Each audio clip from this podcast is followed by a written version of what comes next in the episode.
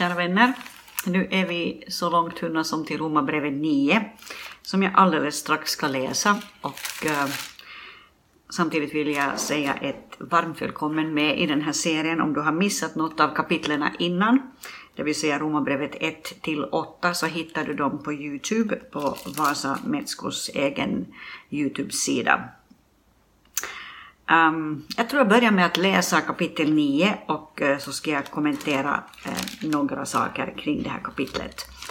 Um, jag läste någonstans att, um, eller jag läste det inte någonstans utan jag tänkte det faktiskt själv, att uh, man kunde sätta en rubrik för det här kapitlet och den rubriken skulle kunna vara till exempel Gud är Gud och han gör som han vill det här kapitlet är ett uttryck just för detta, att Gud väljer vem han vill och Gud agerar som han vill. Och eh, vi kanske har olika åsikter om det, eh, vi gillar det eller inte gillar det, men Gud är Gud. Och eh, det är ju det som är det fantastiska också samtidigt, att vi är kallade till gemenskap med honom och vi får lära oss att respektera detta faktum att Gud är Gud och han gör det han vill. Ibland förstår vi det han gör. Ibland förstår vi det inte. Eh, men oavsett så är han Gud och han är stor. Och då läser jag från Rombrevet 9, vers 1 och framåt. Jag talar sanning i Kristus, skriver Paulus, jag ljuger inte. Mitt samvete betygar det också i den helige Ande, ty jag har stor sorg och ständig vånda i mitt hjärta. Jag skulle önska att jag själv vore fördömd och skild från Kristus i mina bröders ställe, mina landsmän efter härstamning. De är israeliter, de har barnaskapet och härligheten, förbunden och lagen, tempelgudstjänsten och löftena. De har fäderna och från dem har Kristus kommit som människa, han som är över allting, Gud prisad i evighet. Amen. Detta är inte sagt som om Guds ord skulle ha blivit om intet, ty Israel är inte alla som kommer från Israel, och inte heller är alla Abrahams efterkommande hans barn. Nej, Isaks efterkommande ska räknas som dina barn, det vill säga Guds barn är inte det som är barn genom naturlig härkomst, men löftets barn eh, räknas som hans efterkommande. Ty ett löftesord var detta, vid denna tid ska jag komma tillbaka och då ska Sara ha en son. Men inte bara det, Rebecka fick två söner med en och samma man, vår fader Isak. Innan barnen ännu var födda och innan de hade gjort vare sig gott eller ont sades det till henne, eh, den äldre ska tjäna den yngre. Det blev sagt för att Guds beslut att välja vem han vill skulle stå fast och inte bero på gärningar utan på honom som kallar. Det står ju skrivet Jakob älskade jag men Esau hatade jag. Vad ska vi då säga? Att Gud är orättfärdig? Naturligtvis inte. Han säger till Mose jag vill vara barmhärtig mot den som jag är barmhärtig mot och jag vill förbarma mig över den som jag förbarmar mig över. Alltså beror det inte på någon människas vilja eller strävan utan på Guds barmhärtighet. Skriften säger ju till farao Just därför lät jag dig träda fram, att jag på dig skulle visa min makt och att mitt namn skulle förkunnas över hela jorden. Alltså är han barmhärtig mot vem han vill och vem han vill förhärdar han. Nu säger du kanske till mig, varför förebrår han oss då? Vem kan stå emot hans vilja? Men du människa, vem är du som går till rätta med Gud? Inte kan väl det som formas säga till den som formade, varför gjorde du mig sådan? Har inte krukmakaren den rätten över läret att av samma klump göra ett kärl för hedrande användning och ett annat för mindre hedrande? Men om nu Gud, fastän han ville visa sin vrede och göra sin makt känd, ändå med stort tålamod hade haft fördrag med vredens kärl som var färdiga att förstöras, vad har du då att säga? Och om han gjorde detta för att göra sin härlighetsrikedom känd på barmhärtighetens kärl som han i förväg har berett för härligheten, det är ju oss han har kallat och det är inte endast från judarna utan också från hedna folken. Så säger han genom Hosea. Det folk som inte var mitt folk ska jag kalla mitt folk och henne som jag inte älskade ska jag kalla min älskade. Och på den plats där det sades till dem, ni är inte mitt folk, där ska de kallas den levande Gudens barn. Men om Israel utropar Jesaja, om en Israels barn vore talrika som havets sand, ska bara en rest bli frälst. Ty snabbt och slutgiltigt ska Herren hålla räkenskap på jorden. Jesaja har också förutsagt om Herren Sebaot inte hade lämnat kvar några efterkommande åt oss då, då hade vi blivit som Sodom, då hade vi blivit som Gomorra. Vad ska vi då säga?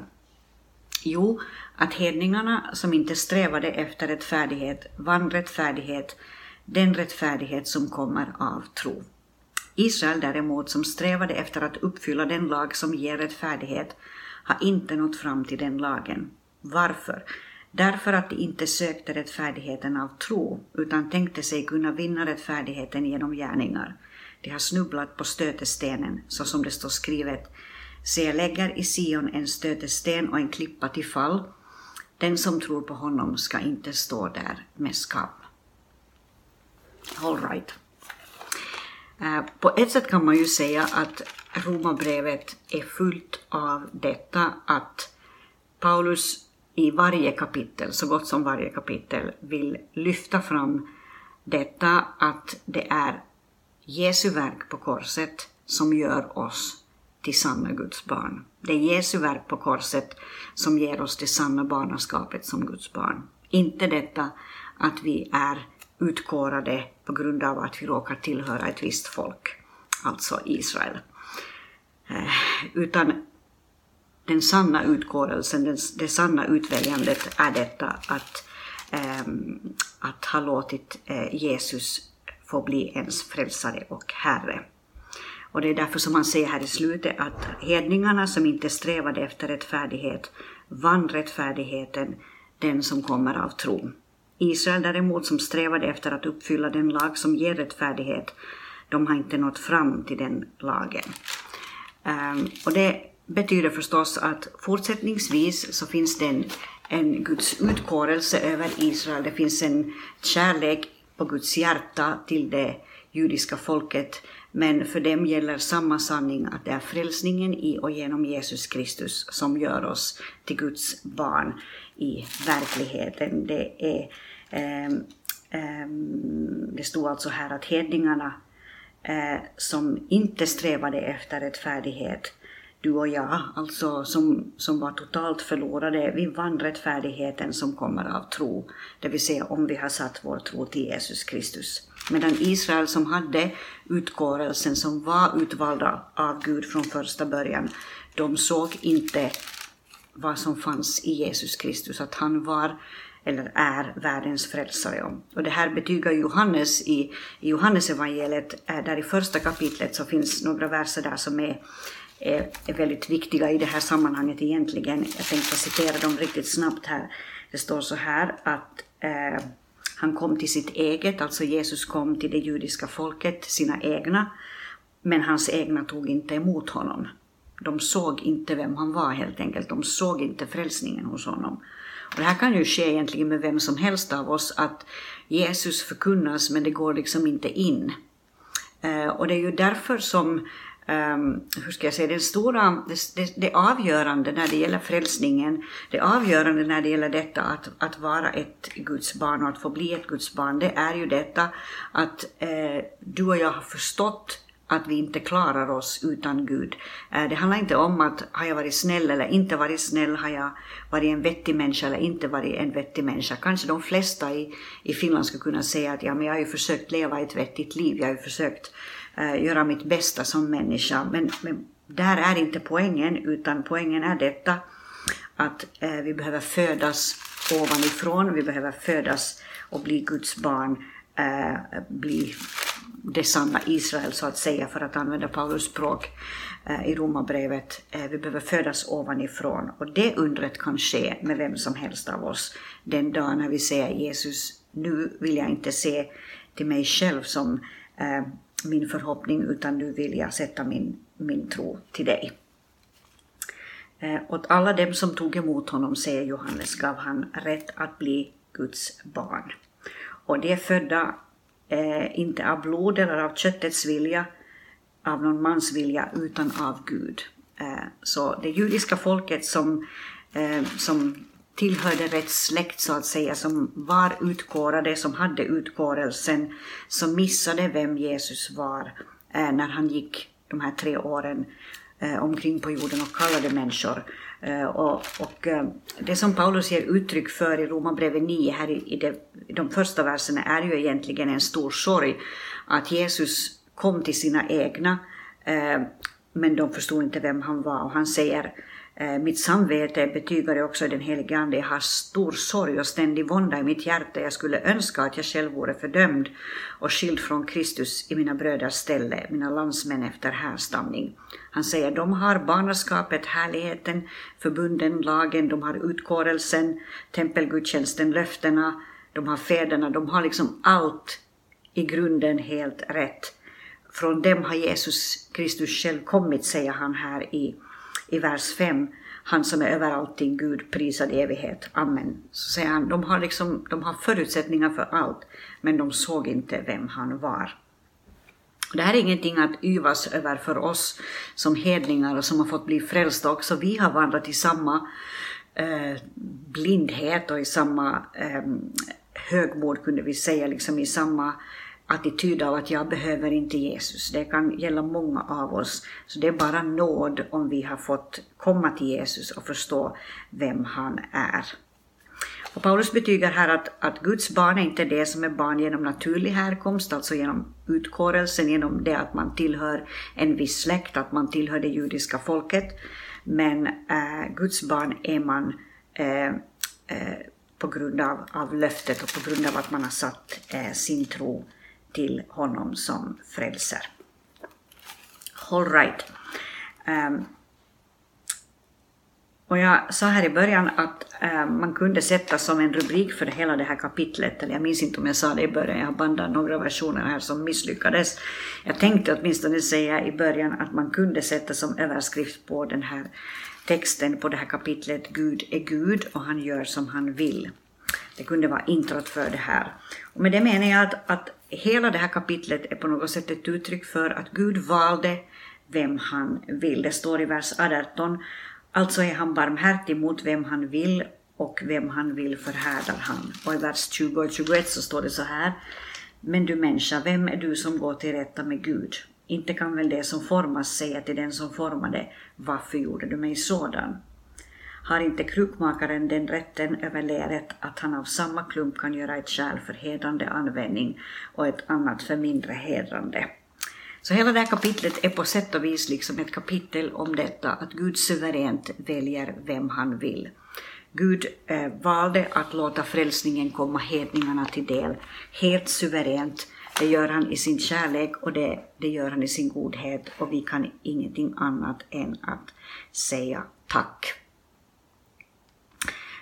Jag skulle här vilja eh, ge tio korta såna här sanningar eller tio effekter av Romarbrevet 9 eh, som du och jag kan ha nytta av att tänka lite på. Jag vill ta det med här nu.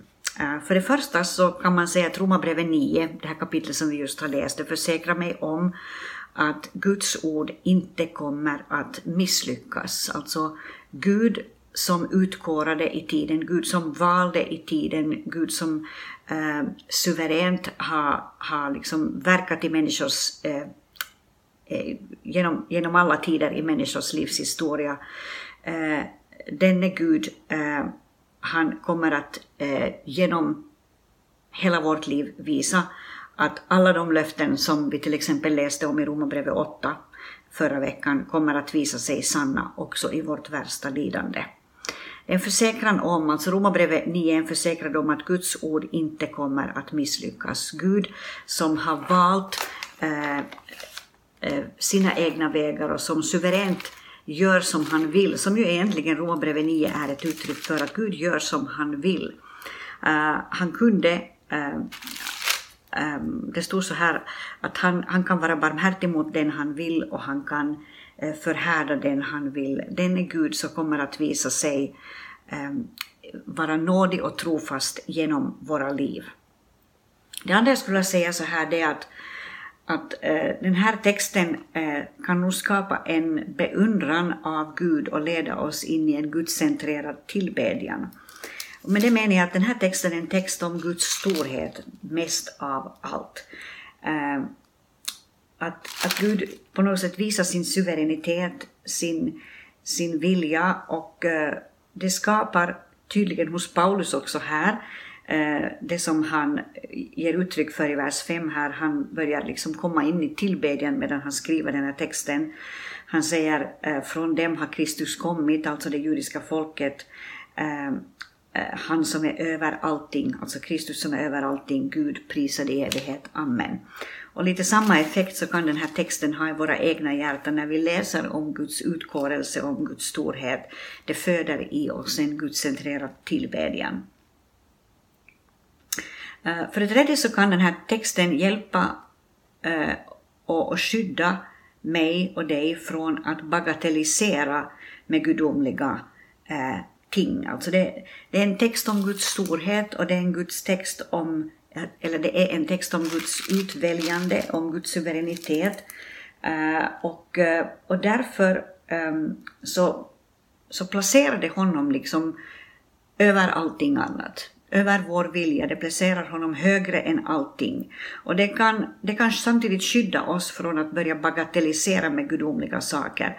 Eh, ibland har jag en känsla av att vi på något sätt, i vår, kanske i vår passion att nå alla människor, att vi blir på något sätt så väldigt eh, talföra och liksom så väldigt, vi ska vara så roliga i våra församlingar och vi ska vara så fräscha, vi ska vara så annorlunda, att vi på något sätt förlorar den där enkla gudscentrerade tillbedjan som kommer av detta att vi har sett Guds storhet. Men det är som om Paulus i Romarbrevet 9 skulle på något sätt vara helt fascinerad av Guds storhet eh, han säger, vad ska vi då säga eh, här i, i vers eh, 14. Att Gud är orättfärdig? Naturligtvis inte. Han säger till Mose, jag vill vara barmhärtig mot den som jag är barmhärtig mot och jag vill förbarma mig över den jag förbarmar mig över. Alltså beror det inte på någon människas vilja eller strävan utan på Guds barmhärtighet. Det liksom lyfter upp Guds storhet och lyfter upp Guds barmhärtighet och det ska, kan skapa i oss en rätt gudsfruktan och en attityd där vi inte bagatelliserar med gudomliga ting. Eh, för det fjärde så kan den här texten hjälpa mig att bevaras i en förundran över min egen frälsning.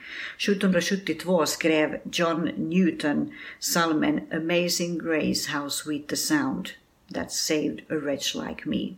I once was lost but now I'm found, was blind but now I see. Det här var första versen på psalmen salmen Förundrad jag hör ett glädjens bud, att syndare nåd han ger. Uh, och eh, John Newton talar om en amazing grace och det, det är liksom en stor förundran över vad Gud har gjort.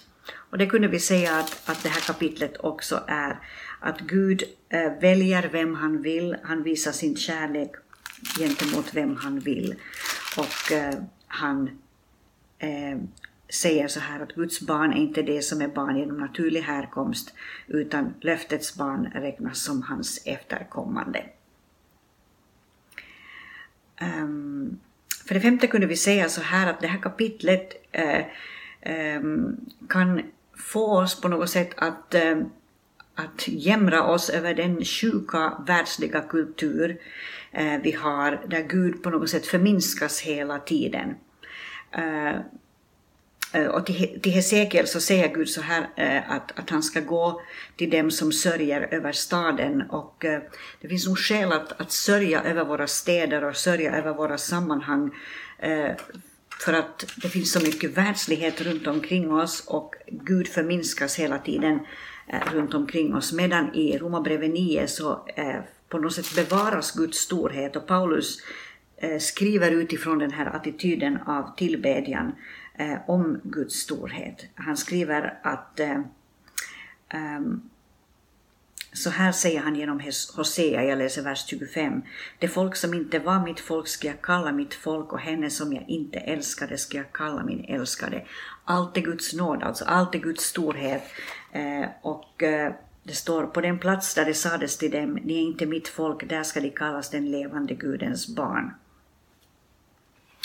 Eh, så den här texten, den är, den är både en text om Guds storhet men den är också på något sätt indirekt en text om den världslighet som vi lever mitt ibland, där Gud förminskas hela tiden. Eh, och, eh, och vi har skäl att, att på något sätt vända tillbaka till den ande som den här texten är driven av, att se någonting av denna mm, dels den nöd som Paulus har för sitt eget folk men också på något sätt den storhet som han ser i detta att Gud förbarmar sig över, eh, över hedningarna och tog dem till sina barn. Eh, den här texten kan, och det är det sjunde, den kan hjälpa oss att se eh, allt i ljuset av Guds suveräna syften, att allt är från honom, genom honom och till honom, att allt är till hans ära. Överallt så ser du någonting som är från honom. Eh, och det är en text som, som förstorar Gud, det är en text som, som gör Gud suverän. Eh, och eh, det är nog hälsosamt att se att allt i mitt liv är, allt det goda som jag kan se i mitt liv, så det är från honom, det är genom honom och det är till honom. Allt är till hans ära och själv är du och jag skapade till att leva till hans ära.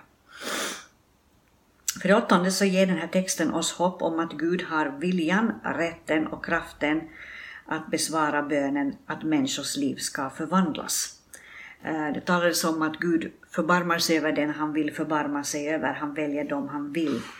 Eh, och eh, den här texten är nog en påminnelse om att vi har all rätt i världen att be för alla människor, att människor ska få komma till tro på Jesus Kristus, också de mest omöjliga fall som vi kanske upplever att finns. Um, för det nionde så säger den här texten, eller den är en påminnelse om att evangelisation är absolut nödvändig uh, för att människor ska komma till Kristus och bli frälsta. Och att det finns ett stort hopp i detta, att, uh, att evangelisation kan vara någonting framgångsrikt att någons omvändelse samtidigt inte är beroende av mig eller begränsat genom eh, begränsat av en icke-troendes hårda hjärta, utan Gud kan suveränt välja eh, vem han vill. Eh, det stod så här, eh, han säger till Mose, jag läser från vers 15, jag vill bar vara barmhärtig mot den som jag är barmhärtig mot och jag vill förbarma mig över den som jag vill förbarma mig över. Alltså beror det inte på någon människas vilja eller strävan, utan på Guds barmhärtighet. Och den här texten är också för det tionde, den är en försäkran om att Gud kommer att triumfera i slutet. Uh, Gud kommer att visa sig uh, suverän i slutet och Gud kommer att uh, visa sig som hela världens frälsare. Den som tror på honom ska inte stå där med skam, så slutar Paulus Eh, det här kapitlet. Eh, det är en, liksom en triumf och en sån här hymn till honom som är, som är liksom hörnstenen i Sion. Som är en stötesten för vissa människor, men som kommer att vara en hörnsten för alla de som vill ta den här stenen, den här hörnstenen in i sitt liv till att vara grunden och stabiliteten i livet. Um, så Gud väljer dem han vill. Uh, Guds kärlek säger Johannes, eh, är utgjuten över hela världen, ty så älskade Gud hela världen, säger han. Gud utgav sin enda son för att var och en som tror på honom inte ska gå förlorade. Och det här är en, en påminnelse till oss idag, Romarbrevet 9 är en påminnelse till oss idag om att det handlar inte om att eh, det handlar inte om ett släktskap, det handlar inte om en utkårelse, utan det handlar om denna nåd att trots att man inte var utkårad eller utvald, trots att du och jag räknas till hedningarna, så har vi fått bli utvalda av Gud till att bli hans barn. Och det är bara nåd och ingenting annat. Vi har ingenting att yvas över, vi har ingenting att vara högmodiga över, utan allt handlar om detta att Gud i sin kärlek valde oss eh, till att få bli hans älskade barn. Välkommen igen. Om en vecka då ska vi gå in i kapitel 10 som har en lite annan prägel. Tills dess, må väl.